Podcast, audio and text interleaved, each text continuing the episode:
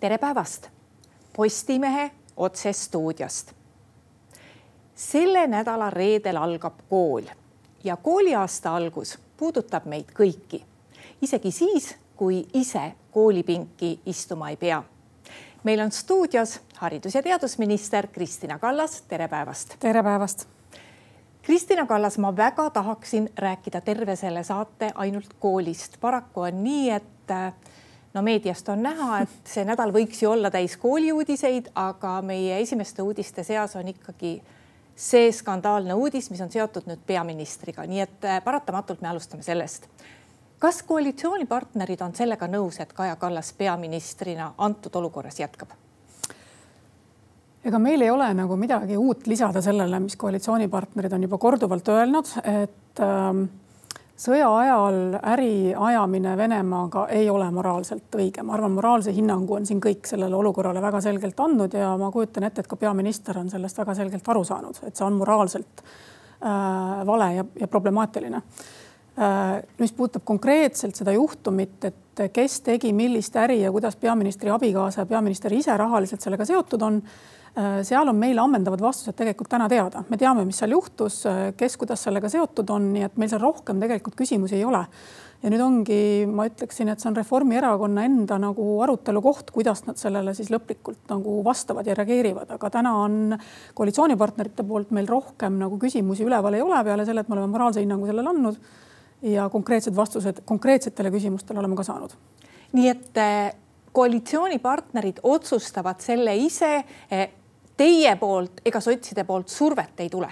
survet ei ole meie poolt, sellepärast surve oli siis, et me saaksime vastused, konkreetsed vastused, et meil oleks nagu selgus majas, millist äri aeti, mida seal Venemaal tehti konkreetselt, millal tehti ja kuidas on peaminister sellega seotud ja need vastused me saime no paratamatult see teema varjutab, nagu ma saadet sisse juhatades mm, -hmm. sisse juhatades ütlesingi, see üks halb asi on see, et see varjutab kõik teised tähtsad asjad ja tegelikult varjutab ka kõik olulised arutelud, mida ühiskonnas tuleb pidada.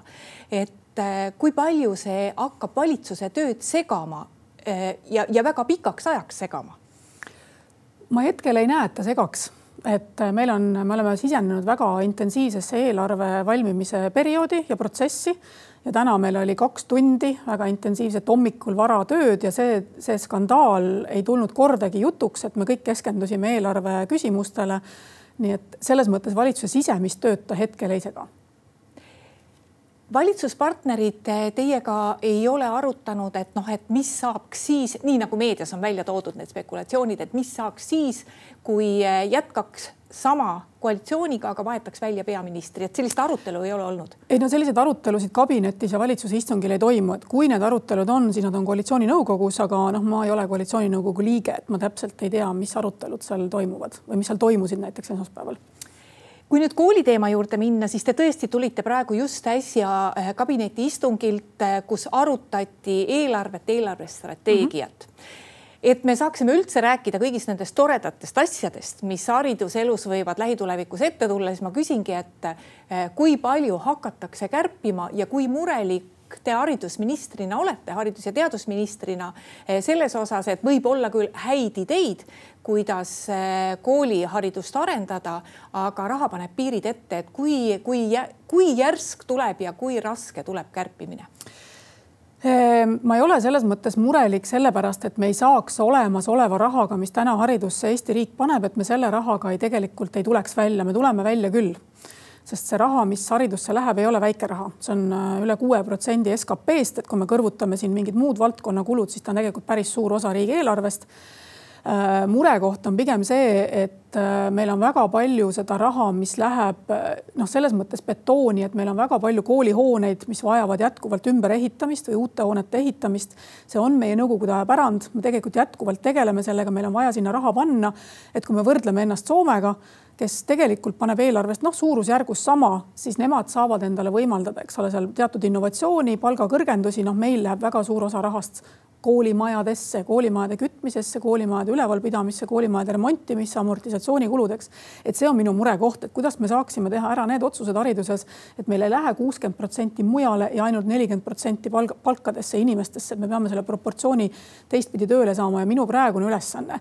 ei ole iseenesest mitte niivõrd käia riigieelarvest raha juurde lunimas, vaid hariduse süsteemi sees äh, leida need rahad, et me paneksime rohkem raha inimestesse, investeeriksime rohkem inimestesse ja paraku see tähendab kärpekohti äh, nii-öelda valdkonna sees teatud betooni ja muude kulude pealt aga sellist üleüldist kärpimise numbrit, mida kõik valdkonnad peaksid siis tegema, seda täna ette ei käidud või välja ei käidud? ei, ikka käisime, me oleme endale eesmärgi ju võtnud ja peaminister on selle eesmärgi ka välja öelnud, et me peame vähemalt järgmiseks aastaks viiskümmend miljonit kärpima, aga järgmise nelja aasta jooksul on see kärbe ikkagi oluliselt suurem, ta on üle seal üle see kahe, üle kahesaja miljoni, kui ma ei eksi. et see ülesanne on kõigil olemas ja kõik on seda ülesannet täitnud, aga nagu ma ütlesin, enamus valdkondi, ka sealhulgas ka haridusvaldkond ei kärbi inimeste palkadest, sealt me kärbet ei tee meil on need muud kulud äh, millele me peame, kust see kärbe tuleb, loomulikult on inimesi, kes ka nende peale pahandavad, et miks sealt raha ära võetakse. aga noh, meil peab olema eesmärk see, et me suurendame tegelikult palkasid ja me, me peame kärpima sel juhul muude kulude arvelt. kui, kuidas meil õpetajatega on? kooliaasta algab reedel, kas meil õpetajaid, keda klassi ette saata on? Äh, seal on nüüd selline seis, et mina seda seisu üleriigiliselt täpselt ei tea, eks ole, ma tean, mis seis on riigikoolides, aga ma ei tea, mis seis on kõikides ülejäänud koolides, mis ei ole, eks ole, riigikoolid. Äh, riigikoolides meil avaneb ju viis uut riigigümnaasiumi, mis on väga suured koolid. Äh, seal õpetajate puudust hetkel ei ole, et seal on nagu kohad täidetud, rääkisin ka paari Tartu koolijuhiga siin äh, eelmisel nädalal, kes ütlesid, et noh, nendel on isegi teatud kohtadele päris korralikud konkursid, et neil on valida, aga noh, suurem mure on meil kindlasti maapiirkondades väikeste koolidega. et kui on väga väikesed koolid, äh, siis ei ole õpetajale pakkuda, eks ole, täiskoormust, need koormused on väga väikesed ja seal tekib see murekoht, et inimesed ei ole valmis null koma kakskümmend viis koormusega näiteks töötama, palk on liiga väike. Nad soovivad täiskoormust ja kui nad täiskoormust ei saa, siis nad õpetajaks ei lähe, vaid nad lähevad, otsivad muu töökoha endale et see murekoht on jah, nende väikekoolidega nüüd kuueklassiliste koolide puhul me selle mure lahendame ära, sest me peame neid koole oluliseks, et nad kodu lähedal oleksid ja seal me oleme selle lisatoetusmeetme välja töötanud ja see on just mõeldud klassiõpetaja puuduoleva täiskoha palgakulu katteks aga noh, me ei ole ära lahendanud seda muret, mis meil on siis põhikooli kolmas aste, see on siis seitsmes kuni üheksas klass ja ka imepisikesed gümnaasiumid, mis meil maapiirkondades on, kus nad kohati peaksid ka olemas olema, sest, sest neil on seal oma roll äh, olemas. seal on meil see õpetajate puudus äh, kõige suurem no kui rääkida sellest väikekoolide toetamisest, siis äh, kas see raha, mis on kavandatud, palju seda on ja kas seda, sellest jätkub? seda raha on kavandatud kolm miljonit iga aasta riigieelarvest. täna tänaste numbrite järgi äh, kuueklassiliste koolide toetusmeetmele kvalifitseeruks Eestis kakskümmend väikest külakooli ja sellest kolmest miljonist antud hetkel jääks isegi üle nende koolide puhul, aga noh, me näeme, et omavalitsused tõenäoliselt teevad tulevikus veel koolivõrgu reforme ja nii-öelda tekitavad neid kuueklassilisi koole juurde tänaste üheksaklassiliste arvelt. arvata võib, et see niimoodi tuleb, et võetakse see kolmas kooliaste, koondatakse kokku ja et meil on seal potentsiaalselt veel umbes kakskümmend kooli võiks juurde võiks tulla, nii et kui me räägime Eestis külakoolist, siis lähimate aastate jooksul ilmselt kujuneb meil välja selline külakoolide võrgustik äh, umbes neljakümne, neljakümne kooliga üle Eesti. Eh, kõik oleks ju väga tore, kui meil kohalikud omavalitsused ja kogukond saaks kaubale, et kas seda kooli ja. siis on tarvis või mitte, et see Metsküla kool on meil üks, meil üks väga kurb näide, kus vanemad viimase hetkeni loodavad ja isegi ei pane kuuldavasti oma lapsi, vähemalt mõned neist ei pane kusagile teise kooli nimekirja. aga seda, selle otsuse saab teha ikkagi kohalik omavalitsus Just. kogukonna esindajana ja äh, seal kahjuks ei ole ka haridusministril mitte mingisugust võimalust äh, sekkuda ega seda otsust muuta või seda otsust ümber teha. et meil on omavalitsused ikkagi koolipidajatena autonoomsed ja saavad otsustada, kus on kool ja kus ei ole kooli. aga äh, ikkagi väike aga on, sest meil on olemas juhend, mille alusel omavalitsused saavad teha otsuseid koolide sulgemise kohta ja see juhend on täna, ma ütleksin, liiga üldsõnaline mis jätab omavalitsustele väga suure nagu võimaluse ilma igasuguste mõõdikute ja muude näitajate alusel lihtsalt teha poliitiliselt otsus, et see kool neile ei sobi ja nad panevad selle kinni. et me, me plaanime seda juhendit ikkagi väga põhjalikumalt täpsustada, et mis peavad olema tagatud enne ja, ja mis mõjud peavad olema ära hinnatud enne, kui saab teha kooli kinnipanemise otsuse, et seal me küll saame nagu seda, vähemalt selle kaudu saame mõjutada neid koolivõrgu otsuseid. ja meil on teine murekoht tegelikult sarnane see, mis puudutab eestikeelsele õppele üleminekut näiteks, et seaduses on, eks ole, kirjas, millal üleminek algab, mida tuleb selleks teha. aga äh, täpselt samamoodi kui kohalik omavalitsus ja tähendab koolipidaja ja kool otsustavad, et nad ei lähe eestikeelsele õppele üle, siis haridusminister ei saa mitte midagi teha tänase seaduse järgi saab algatada järelevalve, saab järelevalve järgi teha nii-öelda õiendi ettekirjutuse, aga see on ka kõik, mis me teha saame. et meil on tegelikult poliitiliselt siin küsimus selles, et kas koolivõrgu otsuseid saaks ministeerium lõpu, noh, kas lõplik otsus on ministeeriumil ja riigi tasandil või see jääbki kohalikule tasandile lõplik otsus. ja samamoodi, et koolipidaja puhul, et kes see lõplik instants on, kes tegelikult saab otsustada, mis juhtub ja mis ei juhtu. täna see ei ole riigi tasand, täna on see kohaliku omavalitsuse tasand. no see on, see on nagu aastakümneid kestnud kestnud ja. probleem, et hariduse sisu ju tegelikult peaks määrama riik ehk siis haridusministeerium ja koolipidaja on siis kohalik omavalitsus, kes nagu loogiliselt võttes peaks nagu hoolitsema selle maja eest, sest eh, selle raha, palgaraha ja kõik annab ju riik eh, jah, paraku tuleb välja, et kohalik omavalitsus alati ei tee kõige otstarbekamaid otsuseid. Te olete sellel aastal ka kahelt ida, kaks Ida-Virumaal asuvat kooli võtnud riigi haldusesse tagasi et äh, see on üks näide sellest, et äh, kohalik omavalitsus ei saa üldse hakkama. see on näide sellest, isegi mitte kaks, vaid äh, viis kooli. viis kooli Ida-Virumaal nüüd esimesest septembrist tulevad riigikoolideks ja selle alus on see, et ei olnud kindlust, et need puhtalt venekeelses keskkonnas asuvad Eesti koolid tegelikult sellistena püsima jäävad, et omavalitsuse nii-öelda koolipidaja noh, tema poolt tulnud signaalid olid sellised, et nende, nendel ei ole võimekust neid koole pidada ja seal oli riigi strateegiline huvi, et eestikeelsed koolid Ida-Virumaa venekeelsetes keskkondades ikkagi püsiksid ja seal tehti see otsus nad nii-öelda ära riigistada, need koolid. ja Lüganuse valla puhul, eks ole, kus riigistati kolm kooli korraga ära, sealhulgas üks vene kool noh, seal oli tõesti see murekoht, et omavalitsus tegi otsuse, et kinni pannakse Eesti kool ja avat-, jäetakse avatuks vene kool. et noh, see oli ka toona, kui mina seda otsust nägin, ma ikkagi sattusin üsna šokki, sellepärast et see on risti vastu sellele, mida riigi nii-öelda hariduspoliitika tegelikult ette näeb pika plaanina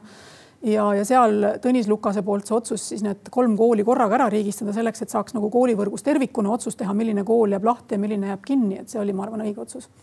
arvestades seda, et noh me hakkame küll eestikeelsele haridusele vaikselt üle minema eh, tuleva aasta esimesest septembrist, aga noh, tõenäoliselt eh, ka see kooliaasta mm -hmm. on see, kui ettevalmistus Just tuleb, ettevalmistused tuleb teha. kui murelikult te Tallinna poole vaatate, sest ega Tallinnas on ka väga hoogsalt eh, aastakümneid säilitatud seda venekeelset kooli, vahepeal küll tundus, et sureb nagu ise välja, aga siis ühel hetkel olid need koolid meil ka paksult Ukraina lapsi täis ja siis ei toimunud mingisugust iseeneslikku väljasuremust ja kohalik omavalitsus väga ei soosi Tallinnas venekeelsete koolide mm -hmm. lõpetamist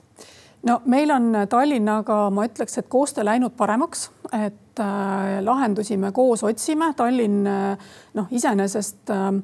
tõstatab nagu murekohti, mida ma ju näen, et need on kõikides teistes omavalitsustes, lihtsalt Tallinnaga on olnud pikka aega see vägikaikavedu, et kelle vastutada need murekohad antud hetkel on. Ja minul on jäänud aeg-ajalt selline tunne, et neid murekohti lükatakse meelega ministeeriumi kaela, kuigi nad on tegelikult koolipidaja vastutada selleks, et öelda, et nemad ei saa midagi teha, et näete, nemad ei saa eestikeelsele õppele üle minna, sest ministeerium ei lahenda nende probleeme, kuigi tegelikult peaks lahendama neid probleeme koolipidaja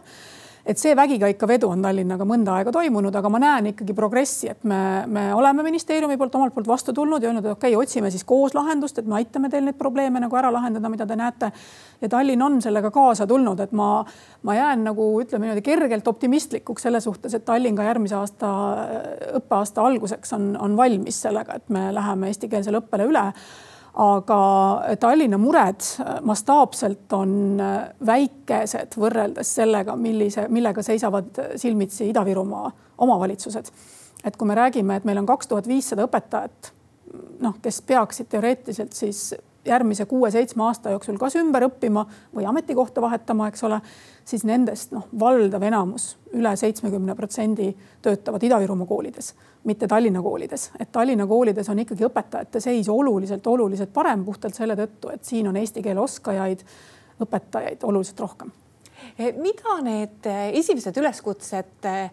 et tulge Ida-Virumaale õpetajaks ja, ja see palgalisa pakkumine, et mida see on andnud, et kui palju see vastukaja on ja kui palju on eh, õpetajad, kes elavad mujal, otsustanud, et aga ma lähen ja seongi oma elu Ida-Virumaaga. Täitsa märkimisväärne hulk, et sellel on olnud efekt, et selle aasta esimesest septembrist ju tegelikult juba see palgalisa toimib, ehk siis, et kuigi üleminek pole alanud ametlikult, siis kõik õpetajad, kes on olnud valmis ja nõus minema Ida-Virumaale juba sellest aastast eesti keeles õpetama, seda palgalisa saavad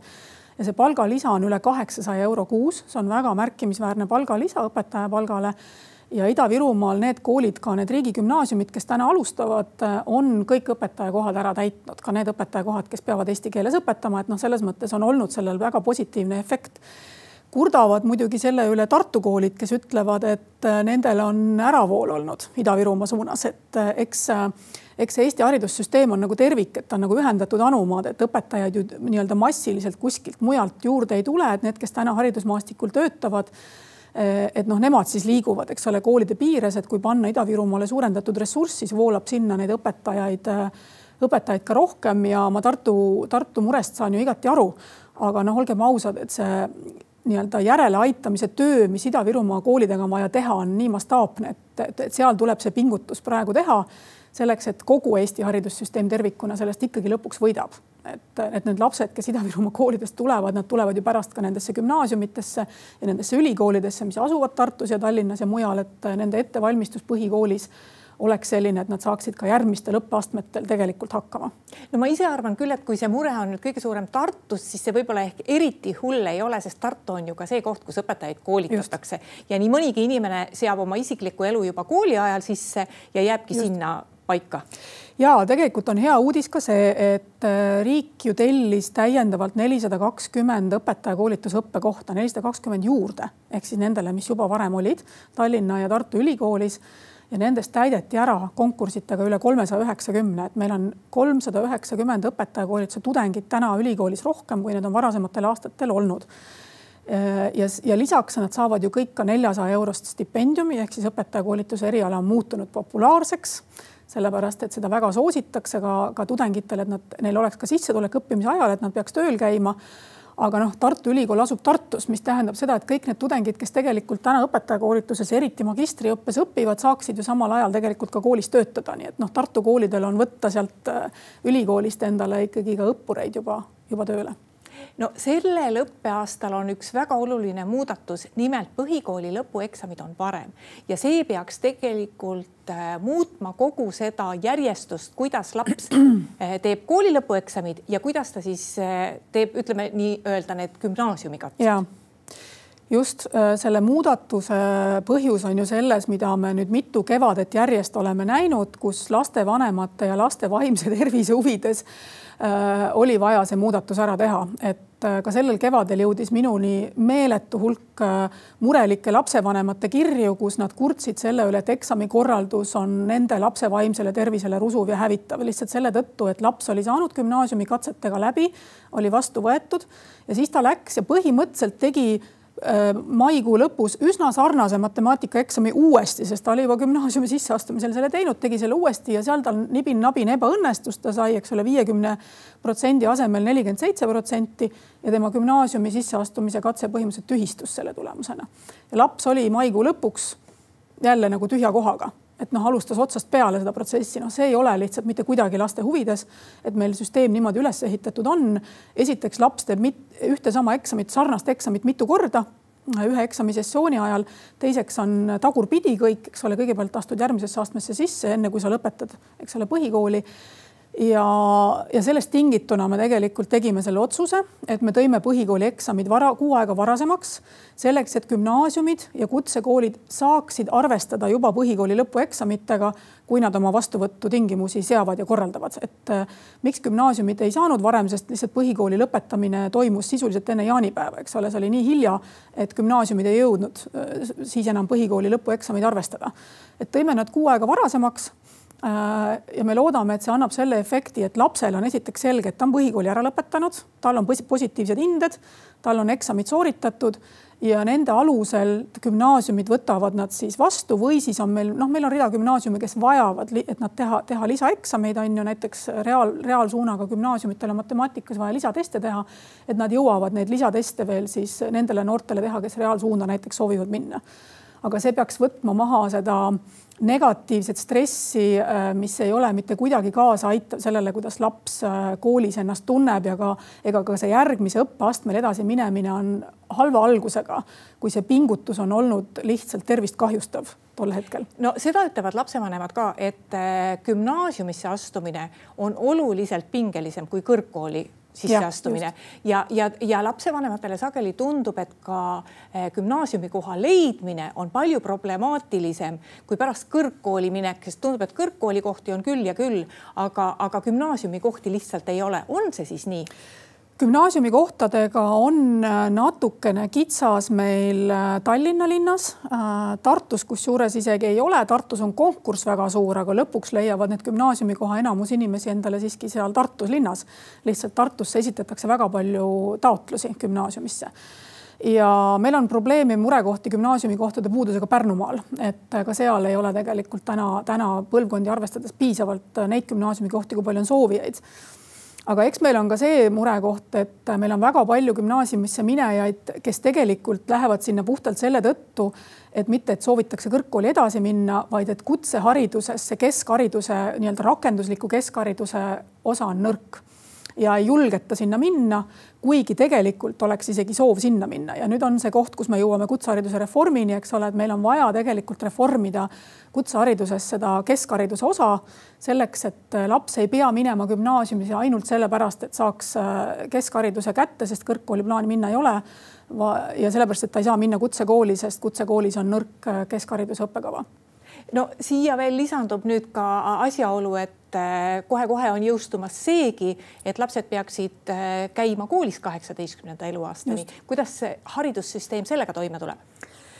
sellega tuleb haridussüsteem toime, äh, sest täna meil on kuskil iga aasta kuussada viiskümmend last, kes ei jätka pärast põhikooli õppimist. kõigi nende jaoks tegelikult haridussüsteemis on kohad olemas aga nad lihtsalt täna ei jätka, sest noh, kohustust ei ole ja nad kaovad meil pildilt ära. et sellepärast ma väga ei äh,, ei muretse, et me suudame tegelikult kõigile nendele kuuesaja viiekümnele lapsele, kes täna ei jätka, tegelikult need õppekohad leida. ja lõpetuseks, Kristina Kallas, mis uue kooliaasta eel ministrit kõige murelikumaks teeb eestlast ikka, eestlased ikka küsivad, mis muret, mitte, mitte mis teid rõõmustab, vaid mis teile muret teeb, eks ole, et, et ähm, ähm,